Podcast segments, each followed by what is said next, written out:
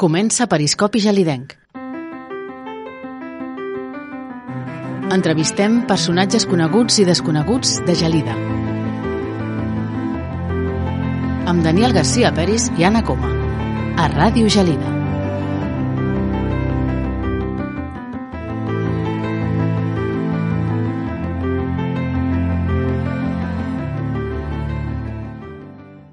Bon dia i benvinguts a un nou programa. Avui la nostra convidada és la Rosa Maria Julivert. Bon dia, Rosa Maria. Hola, bon dia. Que ets membre de la, del secretariat de la Federació d'Indústria de la Intersindical. Efectivament. I amb tu parlarem de sindicalisme, de, de la intersindical, com és, i també de la situació doncs, que, doncs, que diguem que ens ocupa no? i que en el teu cas la teva entitat doncs, està immersa. No? Gràcies per convidar-me al teu programa. Primer de tot, potser els que ens escolten doncs, tenen, que són conscients de que, que és un sindicat, no? però de vegades hi ha molts sindicats no? de, i, i cadascun en un, en un ram, en, en segons quins sectors de, de feina. En el, en el teu cas, la intersindical, ens podies fer una mica de cinc cèntims de, de, de com és, com va néixer i quins propòsits té? Bé, és un sindicat que ja fa temps que va néixer, mm, cap allà a mitjans del, del segle passat. Era, és una agrupació de petits sindicats i, i per això es diu confederal.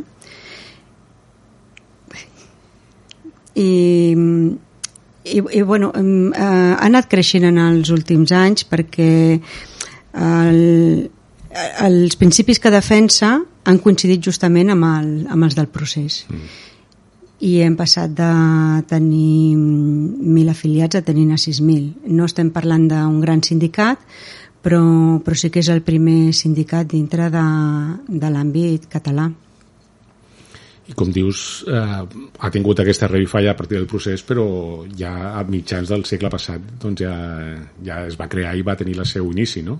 En, en, quin, en quins sectors productius més de, o menys Defensava té... bàsicament els treballadors del suro a les províncies de Girona. Mm, que devia ser l'inici, no? I a partir d'aquí doncs, ja es va expandint per la, per la resta de, de federacions, sí, no? Sí, s'ha anat eh, fusionant amb altres sindicats, després eh, també hi ha alguna facció que, que s'ha anat ascendint, eh, ara ja és un bloc, diguéssim, i ja està consolidat com a, com a sindicat i té molt, clar, molt clara la seva ideologia. Eh, el tronc principal és que defensa els drets dels treballadors i treballadores, dels seus afiliats i afiliades, però, però també és un sindicat que que, que està immers en la societat i defensa principis eh, com ara eh, que no està supeditat, per exemple, a, a només que els seus afiliats, perquè vol tenir les mans lliures per poder negociar eh, i reivindicar sense que li passin factura si rep subvencions, etc. És un sindicat que defensa el català, és la llengua de Catalunya i, per tant, és la que entén que, que, hem, de, que hem de parlar i defensar i defensa els col·lectius vulnerables, com ara les dones i els, el col·lectiu LGTBI. I en, en general vol una societat justa i respectuosa amb el medi. I uh, la diferència, diguem amb la resta de, de sindicats, d'agrupacions que n'hi ha, quin, quina pot ser, quin és el matís? Que potser el fet de la proximitat, no? de, ser, de defensar el català... De aquest és un aspecte molt important perquè pensem que eh, allà on hi ha el poder de decisió eh, ha de ser més a prop de, de les persones que han de rebre els efectes. Ningú com nosaltres coneixem el que ens passa a nosaltres. Però eh, bueno, els altres sindicats tampoc no els conec massa. De totes maneres, eh, en aspectes que han afectat a Catalunya, han, han tingut una ambivalència perquè eh, el que defensaven aquí, una mica el, el que els passa als polítics també, el que defensen aquí no poden defensar fora i a l'inversa i llavors eh, han de jugar a dues bandes. I jo penso que en, en aquests eh, dos sindicats eh, principals grans pues els hi passa això. Però tampoc no els conec massa que val a dir que sindicats grans però que la intersindical doncs, ha anat augmentant no? arrel de, dels darrers anys, arrel del, del procés, no? Efectivament, ara el que volem és consolidar-nos um, perquè hem començat a crear estructures que fins ara no eren necessàries perquè, perquè hi havia pocs afiliats i no feia falta eh, no feia falta que estigués tot tan, tan organitzat, no? perquè es feien trobades eh, informals eh, formals, però ara sí que ja s'estan creant les estructures, les unions territorials, les federacions, mm, les federacions professionals i, i bueno, mm, ho, ho estem, l'estem fent créixer entre tots, perquè al final un sindicat el fem als afiliats i afiliades. Suposo que la, la seu deu estar a Barcelona, però que també deu estar, diguem-ne, deu haver-hi sucursals arreu del territori, no? Hi ha alguns locals a Girona, a Lleida, a Tarragona, a Amposta, a Manresa, Eh, I ara la seu principal actualment eh, està al carrer Alibell, però bueno, ara estem en fase de trasllat perquè anirem al carrer Rocafort. Però bueno, sí, a Barcelona i el que és el, la nostra comarca, l'Alt Penedès o, o, o diguem o la vegueria al Penedès, com, com està representat? Nosaltres eh, formem part de la territorial Penedès-Garraf i no hi tenim cap local aquí, però, però sí que tenim un secretariat eh, que, que ens eh, reunim eh, periòdicament i tractem temes que afecten a la comarca però bueno, eh, volem també una miqueta eh, incentivar això perquè la gent ens conegui, perquè hi ha, hi ha molts treballadors que tampoc no ens coneixen massa. Eh, com deies, els temes que afecten la comarca, però també hi ha alguns que, que afecten en general. No? Recentment vam tenir aquestes mobilitzacions de, de metges, d'educadors, mm. no? altres sectors com el taxi i d'altres eh, certament doncs, sembla que, que hi hagi un, un, un moviment, diguem-ne, de reivindicatiu que, que, que és s'ajunta, no? que diguem-ne que quan se, suma, se sumen a diverses reivindicacions, no? quan surt un, l'altre també col·labora. No? Bueno, és que estem ara en uns moments en els que mm, el treballador i la treballadora estem molt, molt, molt constanyits perquè per la, per la pujada dels preus, per la qualitat del treball, perquè cada vegada se'ns exigeix més i ens donen menys. I això hi ha col·lectius que ho pateixen molt, els que estan sobretot de cara al públic i, i els metges i, i els educadors eh, que, que sempre han tingut reivindicacions però bueno, arriba un moment en què, en què diuen bueno, fins aquí hem arribat amb els treballadors no ens agrada fer vaga. Vull dir, és, és l'últim recurs que tenim quan, quan no, no ens escolten, quan no accedeixen a les nostres reivindicacions. I sempre hi ha un procés de negociació, vull dir, eh, no, no demanem tot el possible, el que volem és negociar i llavors doncs és un, un tira i afluixa, no? Però bueno, a vegades es tanquen en banda i, i, i, i, no, i no tiren endavant. Llavors és quan ve la vaga. Que aquest recurs de la vaga, doncs també, com deius, eh, no agrada fer vaga perquè a més és un prejudici perquè es descompten dies de, de sou, no? Evidentment, mm, sí. Eh, ens suposa, ens suposa una despesa important o menys ingressos.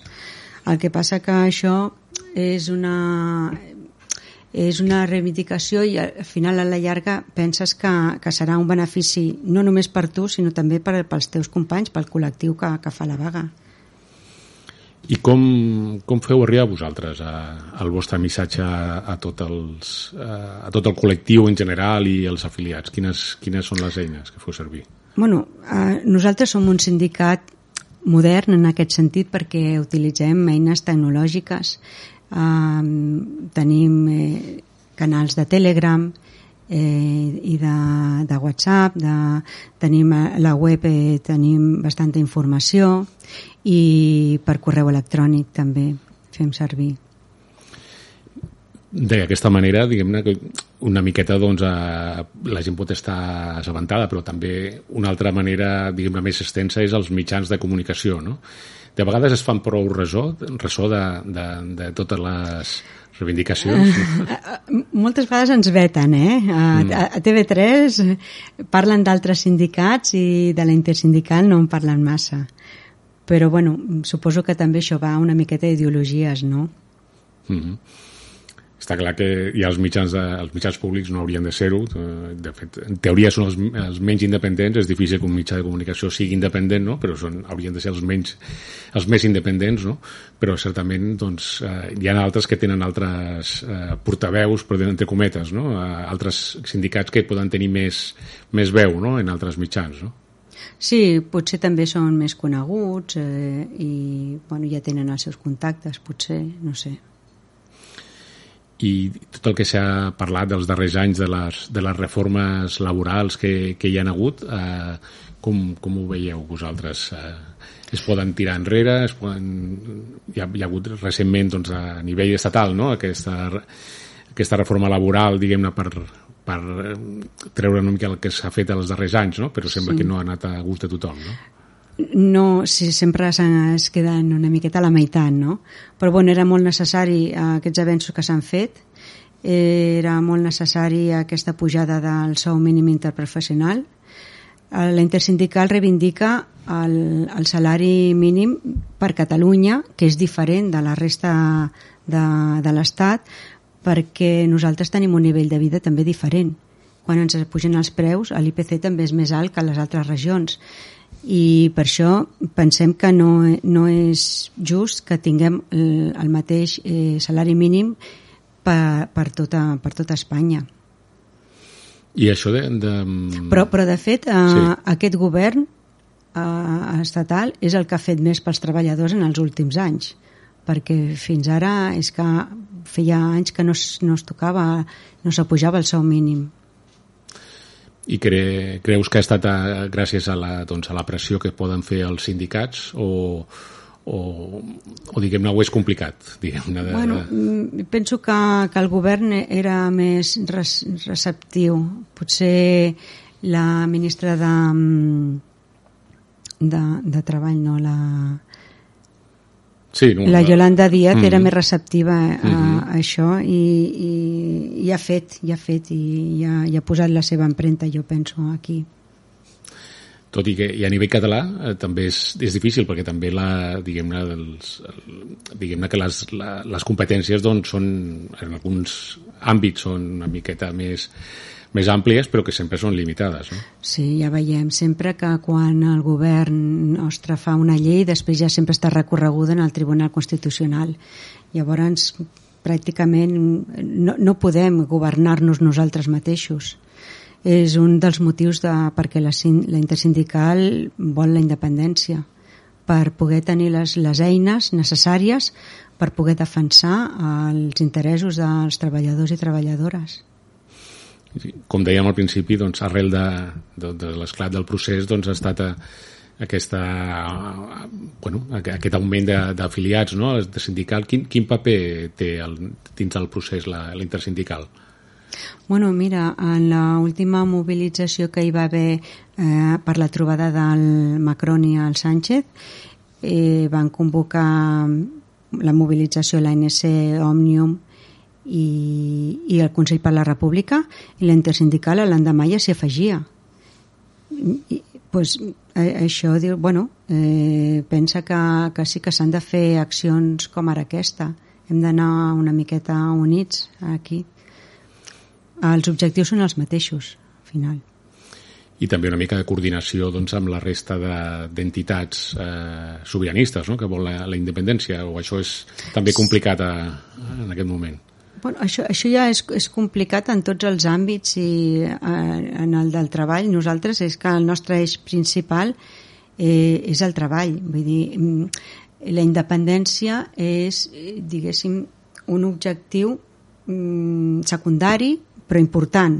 Però vaja, eh, no, no, no hem d'apartar-nos de que som un sindicat mm, per defensar el, el treball, els treballadors i treballadores. I quines estratègies eh, poden, eh, diguem estan pensades doncs, per aconseguir aquest, objectiu de, de defensar els drets i aquest objectiu també de la independència? Per defensar per exemple, els drets dels treballadors, sí, per que seria exemple. la prioritat, sí? Quines... Mm. Bueno, la, la unitat bàsica de la intersindical són les seccions sindicals. Les seccions sindicals són el conjunt d'afiliats mm, del sindicat dintre d'una empresa. Llavors, eh, ells s'organitzen eh, per, per, perquè coneixen l'empresa, saben què és el que necessiten, el que han de reivindicar, i llavors això eh, es va, es va tr traslladant, no?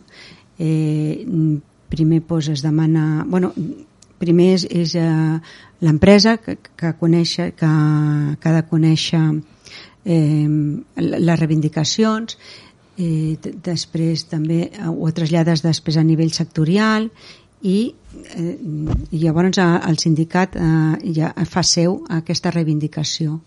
Llavors és quan eh, els, els secretaris, de, els diferents secretaris eh, ho reivindiquen. Mm. Però la, en, hi ha taules de negociació en les que es necessita una representació mínima. I llavors ara mateix la intersindical eh, no, no sé si n'hi ha en alguna, però no té eh, suficient pes com per poder estar en les negociacions eh, amb les sectorials corresponents. Això, eh, això és un hàndicap que tenim. Perquè hi ha unes eleccions sindicals no? en el que diguem que els treballadors voten per, per ser en els comitès d'empresa. No? Exacte. Com, com funciona exactament pels que no ho coneguin? Les eleccions a, a delegats de personal o comitè d'empresa són molt similars a les d'un ajuntament. Es, es fan unes llistes en principi va pel nombre de treballadors. Uh, fins a 50 treballadors, les empreses poden tenir entre un o tres delegats en funció del, del nombre de, de treballadors. A partir de 50 ja es formen comitès d'empresa, que és a partir de 5 membres, i fins a, a 25, màxim són 25. Llavors, eh, eh, per triar els representants dels treballadors es fan unes eleccions, es presenten unes candidatures, aquestes candidatures eh, poden anar sota el paraigües d'un sindicat o no fa falta. El que passa que si tu presentes una candidatura en la que no et recolza cap sindicat, necessites un mínim de signatures per presentar-t'hi i el problema és que després per demanar assessorament doncs, tampoc no saps ben bé a, a, a, a, on, a on demanar assessorament, no? Necessites eh, que, que, que t'expliquin o si necessites demanar consell, com, com, fer, com fer alguna reclamació, llavors no saps ben bé com fer-ho, no? Llavors per això és molt important que hi hagi un sindicat al darrere que, que té els seus serveis jurídics, que, que t'indica com, com, per on has d'anar, no? Eh, I doncs bé, quan ja tenim les llistes, sí. eh, llavors s'obre un període de, de, en el que es penja els, els electors i els electes en el taulell d'anuncis i, i hi ha un dia que es fan les eleccions. Llavors es compten els vots i en funció dels vots eh, es trien els representants de, de, de, cada, de cada sindicat cada representant suposo que ha fet un període de, de, de campanya també, no? una mica per... per... Bueno, eh, com que a l'empresa ens, ens coneixem tots i mm. ja parlem pels passadissos, un moment en el, en el vestuari i així, però mm, pues una miqueta sí, la, la campanya, sí. De vegades depèn una mica de, de, de la confiança no? en la persona, no? de, de, que, perquè en teoria doncs, tots els representants estan per defensar els drets de, dels treballadors, però segons sigui un o l'altre, doncs depèn sí. de la confiança que li hagi transmet, no? Sí, sí, totalment, sí, sí, passa una miqueta com als ajuntaments, oi? Que votes una mica la persona i no tant a les sigles que representa. Però, bueno, en la, en la intersindical intentem que això vagi unit, també. Hem parlat de, diguem del, dels, dels problemes i dels conflictes que hi ha a nivell català, però a nivell de, del Penedès, quin, quins són les situacions ara que són més, més conflictives i que hi ha més per reivindicar, diguem-ne? Bé, bueno, jo penso que al Penedès tenim que veure una miqueta cap a on anem. Uh, eh, a veure, mm, perquè en principi eh, ara mateix som la porta que, que, que entra cap, a, cap al Barcelonès, al Baix Llobregat i ara eh, hem de decidir a veure eh, què volem fer en el territori D'indústria eh, tenim el sector molt potent que és el del cava, en el qual la intersindical tampoc no hi té gaires afiliats. I, i ara mm, hi ha algunes empreses, però però vaja... Mm, Costa una mica de, de ser-hi present, no? Sí, sí, sí. Mm. Això també depèn, com deien, de les persones que, que es postulin no? per, per formar part de, de l'antisindical i després representar-se ser representants que... en aquells comitès d'empresa. Sí, pe penso que, que la intersindical és eh, encara poc coneguda i potser ara pues, poc a poc anirem, anirem fent-nos conèixer si, si fem bona feina també i bueno, aquesta, aquesta és la, la, la, la guia. Mm -hmm. El Penedès també s'ha de dir que està una mica diferenciat el que és l'interior a, a la costa, no? La costa és més, quan parlem de, del Garraf, no? Vilanova, Sitges, no? és més, més industrial, no? una miqueta, no? també hi ha sector turístic més fort i a l'interior, com comentaves, a, a les caves una mica més, una mica més agrícola, no? tot i així. No?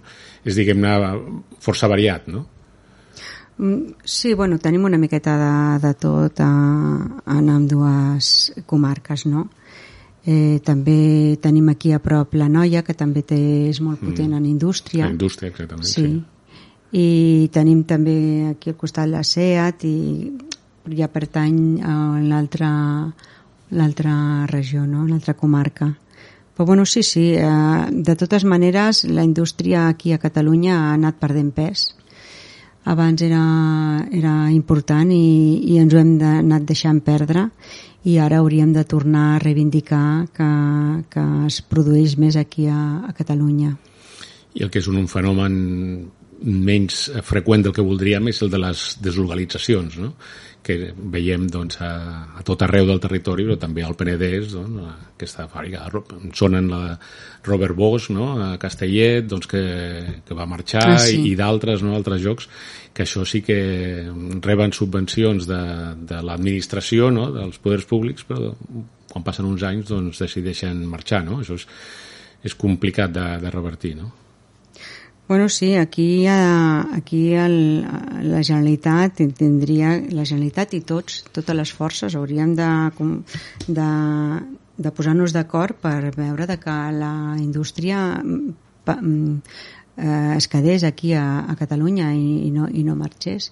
I ara, de fet, amb la pandèmia hem vist lo necessari que és que, que puguem tenir a prop eh, el que necessitem i potser ara s'està donant aquest fenomen del quilòmetre zero i això potser també ajudarà a que, que la indústria eh, es quedi aquí, que les prioritats ja no siguin potser tant el preu o, o no sé això ja s'ha d'anar veient a Rosa Maria, hem arribat ara a aquest punt del programa que demanem a les nostres convidades que triïn una cançó que els agrada. Quina és la teva i, i per què l'has triada?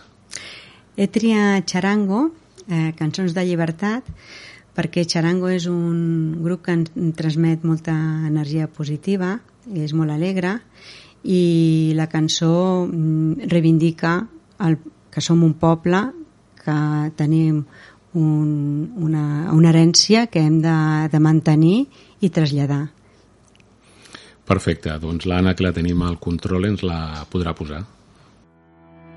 Hem recollit a poc a poc la vostra flama. No deixarem enrere cap de les batalles. Per la foc esperarem la tramuntana. Lluna d'enyorança, lluna que ara canta. Plens d'esperança vam néixer inconformistes. Sempre amb la lluita, sempre antifeixistes. Hem perdut la por, un futur s'obre. No teniu presons per tancar tot un poble amb el cor gelat a les entranyes preníem el fil de les muntanyes érem tot un poble caminant Rius de gent seguien la carena i guardava la nit la lluna plena i una cançó trista pels companys. Una cançó trista pels companys. Sonen al vent cançons de llibertat. Són la resposta de tot un poble despert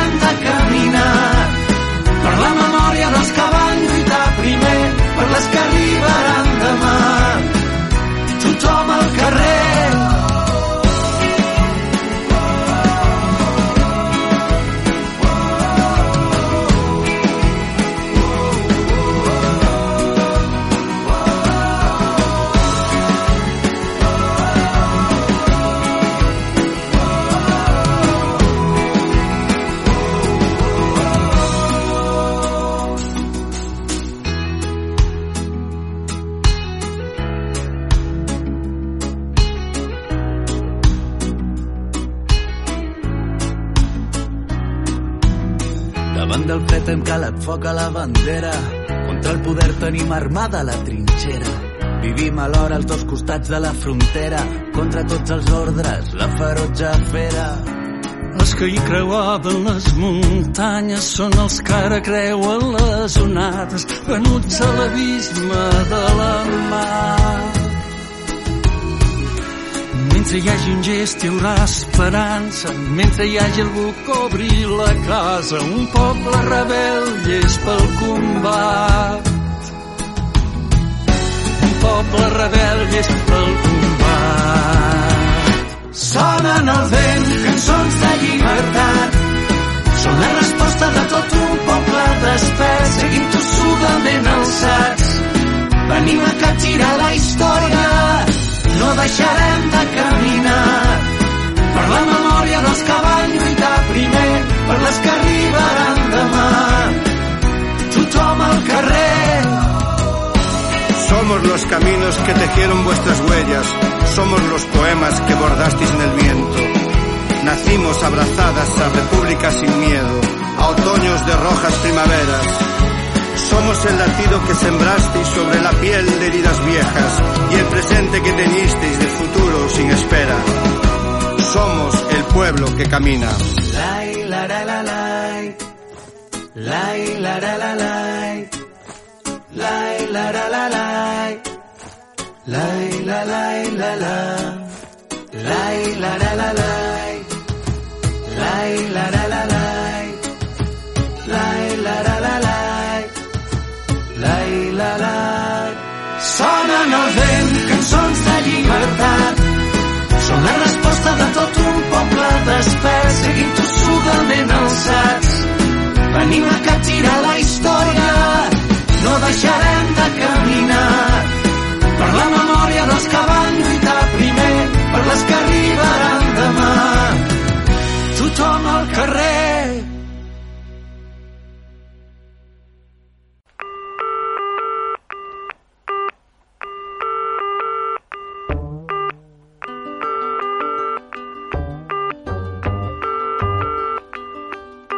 Esteu escoltant Periscopi Gelidenc amb Daniel Garcia Peris i Anna Coma a Ràdio Gelida.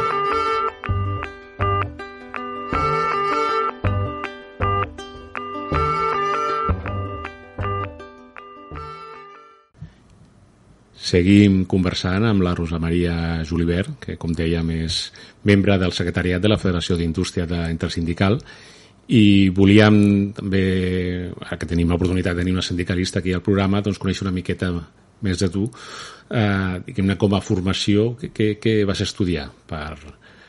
Jo he estudiat aquí a Gelida, vaig mm -hmm. estudiar eh, formació professional d'administració aquí, quan en els, en els estudis que, que hi havia a part dels obligatoris només hi havia la formació professional d'administració i d'electricitat i si volies fer el batxillerat havies d'anar fora. Han canviat molt els temps mm. per sort.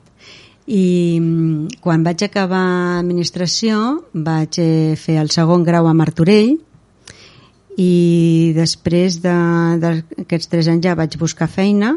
Mm, ja vaig començar a treballar... Bueno, la primera feina que he tingut i la única pràcticament és una fàbrica de, la, de la, la fàbrica de paper del poble i allà estic des de fa 34 anys.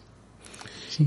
I en un bon moment doncs, eh, vas decidir doncs, de, doncs, de, de assumir aquesta tasca de, de, de l'acte sindical. No? Com va ser? Què, què és el que et va fer de, de decidir-te? Mm, el moment clau va ser el procés quan bueno, la, hi havia molts dies convulsos, tothom estava amb l'expectativa, què passaria, eh, en un moment donat la intersindical va mm, declarar un dia de vaga el 8 de novembre i jo encara no era afiliada.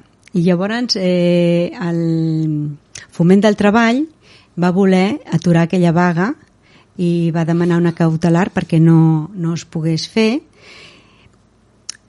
Eh, I llavors, eh, bueno, mm, finalment sí que no li van considerar les mesures cautelars, es va poder celebrar la vaga, però després la, la Foment del Treball eh, els va portar a judici i, bueno, per sort pues, van, van guanyar el judici, la intersindical.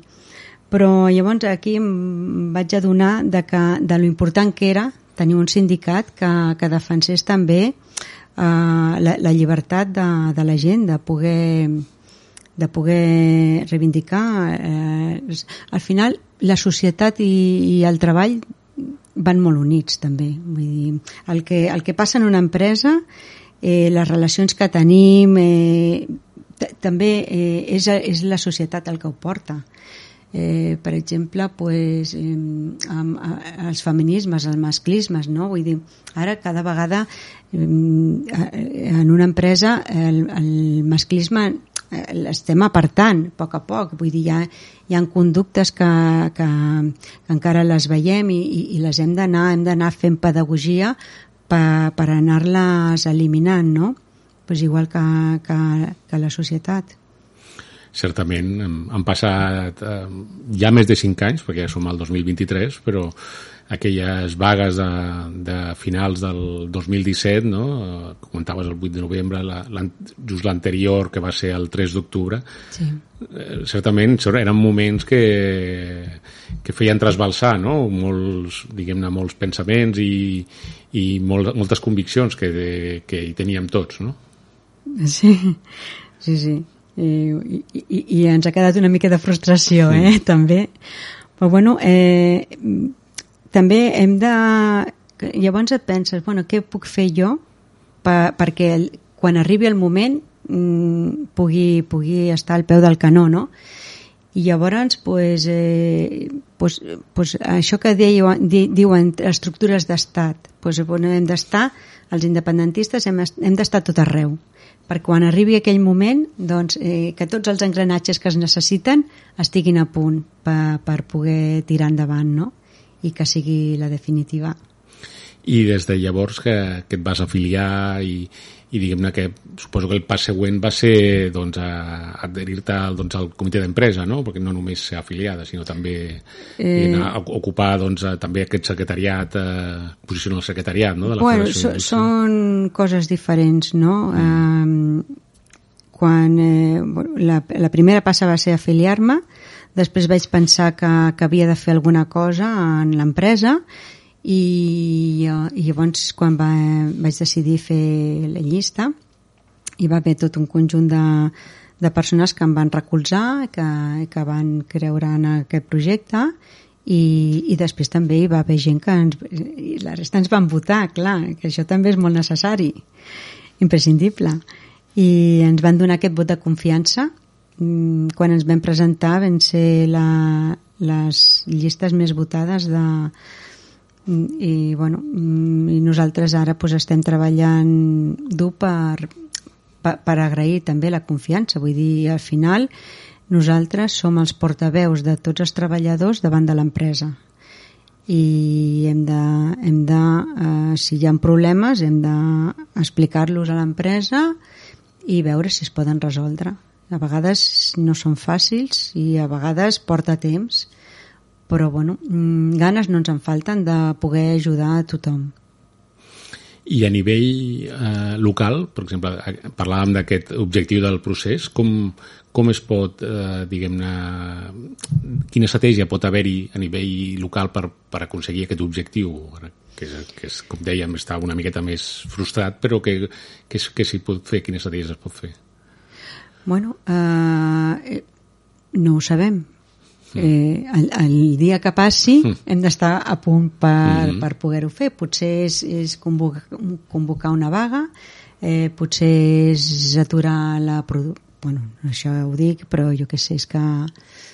Mm, diguem-ne que tenir, tenir la, estar posicionat no? per, Sí, per quan clar. sigui el, el moment, no? Clar, clar, clar.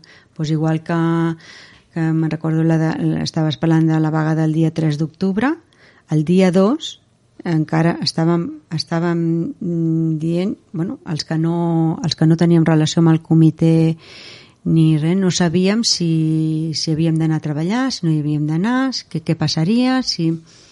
Al final, la nostra empresa mm, amb això es va portar molt bé perquè no ens va comptar com a dia de vaga, ens va comptar com un dia a recuperar, crec recordar. Vull dir que, que per, per mi va estar a l'alçada, no? Uh -huh. Això també és important, no? que hi hagi una certa comprensió, no? De- diguem d'alguna manera, per l'empresa i, i els treballadors en segons quines situacions. No? Bueno, de fet, eh, l'empresa i els treballadors tenim el mateix objectiu, que és que, que l'empresa funcioni, que, que duri molts anys, que, que dongui feina i, i, i això ens farà prosperar a tots. També hi ha, és cert, cada, cada part eh, té la seva, els seus interessos. L'empresari el que vol és pagar quan menys millor i el treballador és el contrari. Vull dir, aquí hem d'arribar a un punt de trobada. Però igual que és amb, amb el sou, doncs amb altres condicions laborals, no? Hem parlat de la situació laboral i les reivindicacions que hi ha dels treballadors a nivell català, a nivell nacional, a nivell de, del Penedès, i a nivell de Gelida, com, com es veu la situació? Ja, les estadístiques ja fa molts i molts anys que diuen que la majoria de, de gelidencs i gelidenques treballen fora de Gelida, no? però com, com, com es veu la situació al, al nostre poble de, de lo que és la massa laboral? Bé, mm, anem perdent, anem perdent treballadors aquí, però, però una miqueta és, eh, és la tònica general de, del voltant. I el que sí que és problemàtic també és que cada vegada ens he- hem de mm, traslladar-nos més lluny per trobar feina. I, i això també eh, a la llarga hauríem de mirar de, de trobar alguna solució Mm, eh, no sé si algun incentiu a les empreses perquè contractin a gent que visqui a prop o al- alguna cosa seria bo de, seria bo de fer. Però bueno, mm, és un, és un tema que potser més endavant o es, es tocarà ara per ara, tampoc no, no hi ha res sobre la taula. tenim el, entre cometes aquesta pressió del Baix Llobregat, no? aquest model no? que, que de, de grans extensions in, industrials. No sé si ha, això que sembla que s'aturi quan arriba a Gelida podria en uns anys propers doncs, expandir-se o, bueno, de fet ho veiem no cal anar molt lluny, ho veiem a Sant Esteve no? que veiem com es van desenvolupant aquells polígons eh, creus que en, en un futur podria passar aquí això a Gelida? Bueno, això són eh, els polítics els que desenvolupen els, els plans de els plans per, per fer indústries o no, són els que donen permisos o no. Llavors, eh, això de, depèn una miqueta dels projectes que tinguin eh, els equips de govern. Hi ha algun, algun sector, diguem-ne, que, que potser s'hauria d'evitar? Sempre es parla de la logística, no? que és un sector que dona eh, que, que és precari no? en, en, en els sous i les garanties laborals. Potser seria un d'ells o, o hi ha algun altre que també s'hauria d'evitar? Jo penso els serveis eh, de cara al turista, eh, alguns són necessaris, però no, excessiu, no excessius, perquè eh, s'hauria de, de remunerar més a la, a la gent que treballa en el sector serveis i llavors si, si mm, mm, o sigui, potser no caldria tants eh, locals i els que hi hagin que, que tinguessin més bones quali qualitat, mm, condicions de treball, no?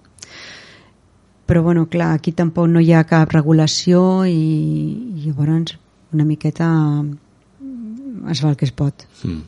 L'enoturisme, que també es parla molt al, al Penedès, és, és una bona sortida com a, per, per expandir-se, que realment ja fa uns anys no? que, que està fent el seu camí, no?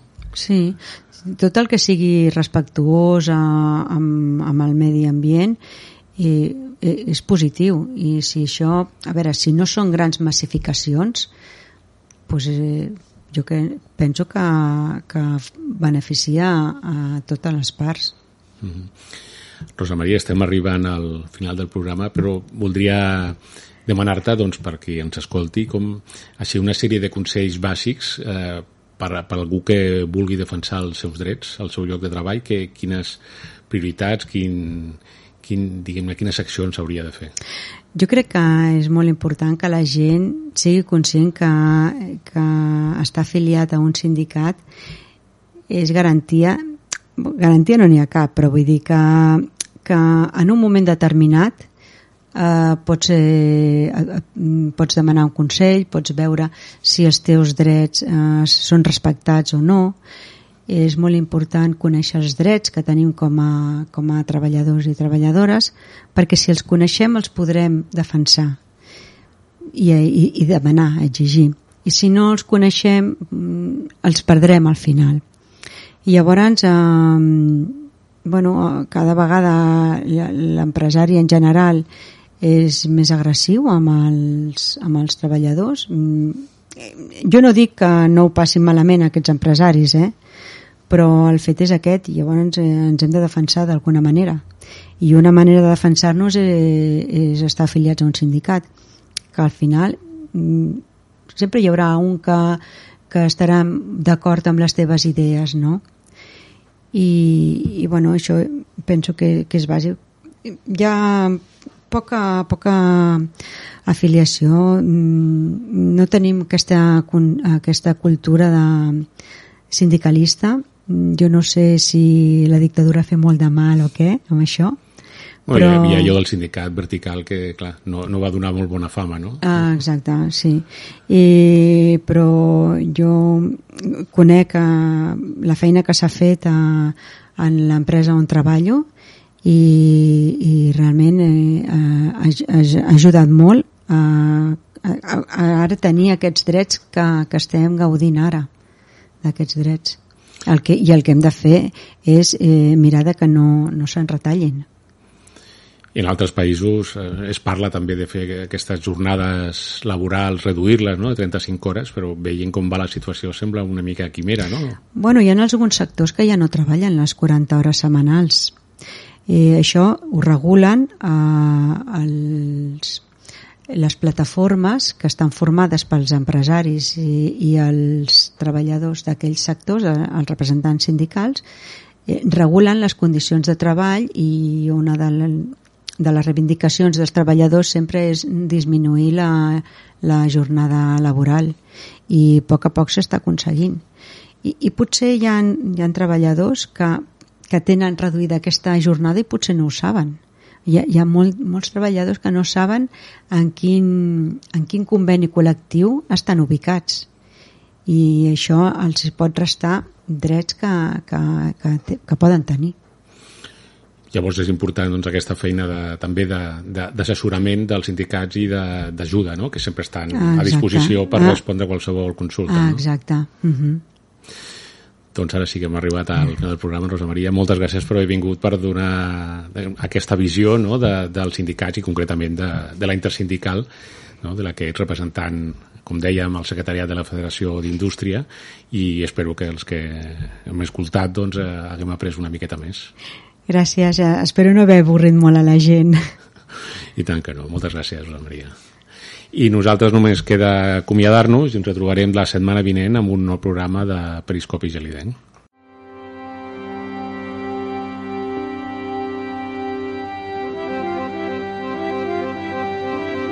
Heu escoltat Periscopi Gelidenc amb Daniel Garcia Peris i Anna Coma a Ràdio Gelida.